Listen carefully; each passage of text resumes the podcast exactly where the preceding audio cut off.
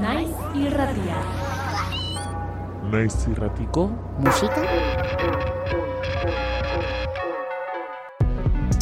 Lula, Kaixo naiz irratiko entzule. Lula, abesti honen bitartez Lula, Gozatu. Pilula. Ea, ea. Naiz irratiko musika Pilulak.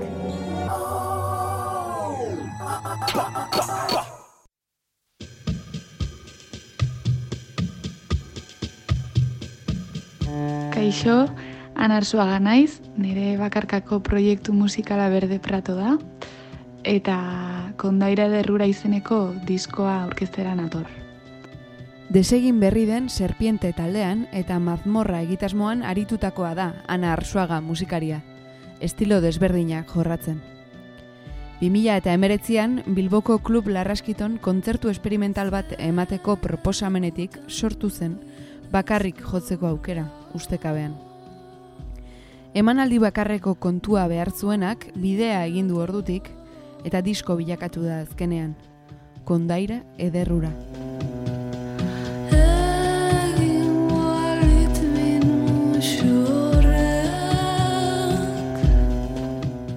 Bere proiektu pertsonalerako aukeratu duen izenak pinturari egiten dio referentzia.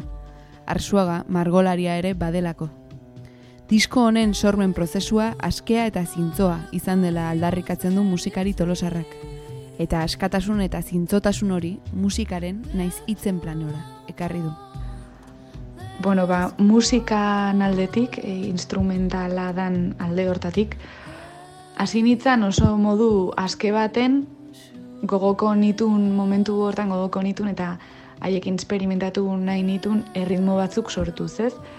E, bosanova bat, regetoi bat, e, bueno, nasketa desberdinak, ez? Sortuz. Eta orduan hortik hasi nintzen, musikalki, eta aldi beren e, ahotsei garrantzia handia eman nion, eman nion, ze ahotsa netzako da, ba, igual gehien erakartzen hauen gaia musikalki hitz eginez, nik sortzeak orduan, ez? Orduan, ba, bueno, horrekin esperimentatu nahi nun, eta aldi beren, ba, piano ikasketak dauzket, eta piano batekin baino zinte, bueno, bai, zinte funtzioak dauzken piano batekin, hasi nintzen, ba, bueno, soinu batzuk sortzen, esperimentu batzuk iten, zehoze eroso sentiarazten indun eta identifikatzen nintzen zehoze sort, sortzeko, ez?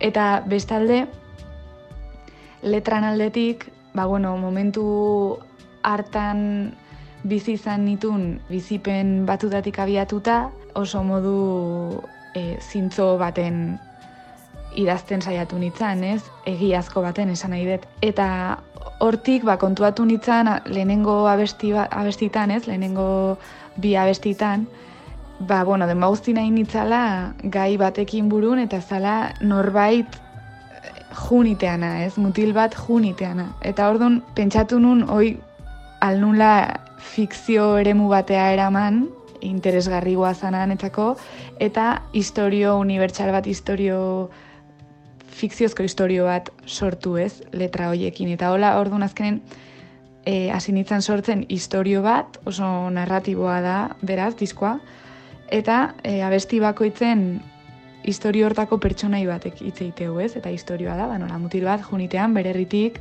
alditeun, eta familiko kide bakoitzak ba, abesti bat kantatzeu, ez? E, bere lagunek, beak, neska batek, eta bar, orduan hortik, hoi izan da diskoan ideia. Euskal Herrian dauden proposamenik interesgarrienen artean dago, berde pratorena. Galdera eta erantzun zintzoek topo egiten dute bere kantuetan. Produkzio soil bezain esanguratsuan.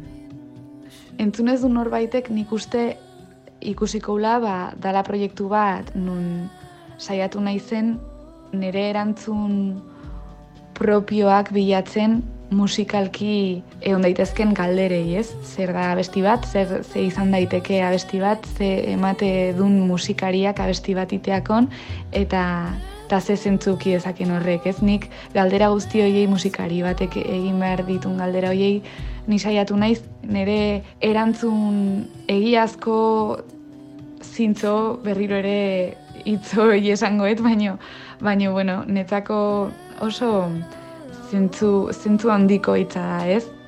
sormen prozesu baten hori saiatu naiz aurkitzen, ez? Edo, edo bilaketa bat iten horri buruz musika, musikaren bidez, ez? Ze, ze interesatze zain nahi, ez?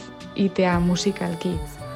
Orduan, ba bueno, e, zorrotz saiatu naiz nere buruakin izaten, proiektuakin izaten, eta, ba bueno, minimalismo batera jodetela baitan ikuste ikusteala, eta hori izan da, ba, netzako garrantzitsuk dian elementu batzuk azpimarratzeko, ez?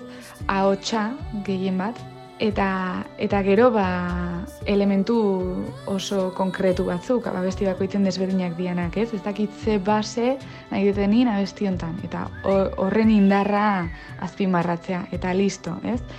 E, ornamento gehiagiri gabe, bueno, ba, gauza esentzialenak azpimarratuz, netzako oizan helburu bat, osea, behintzat helburua oizalan ikuste bai bai apreziatu daitekela ze intentziok oso oso argik dian ikuste. Hau dugu Berde Pratoren mutilaren kanta.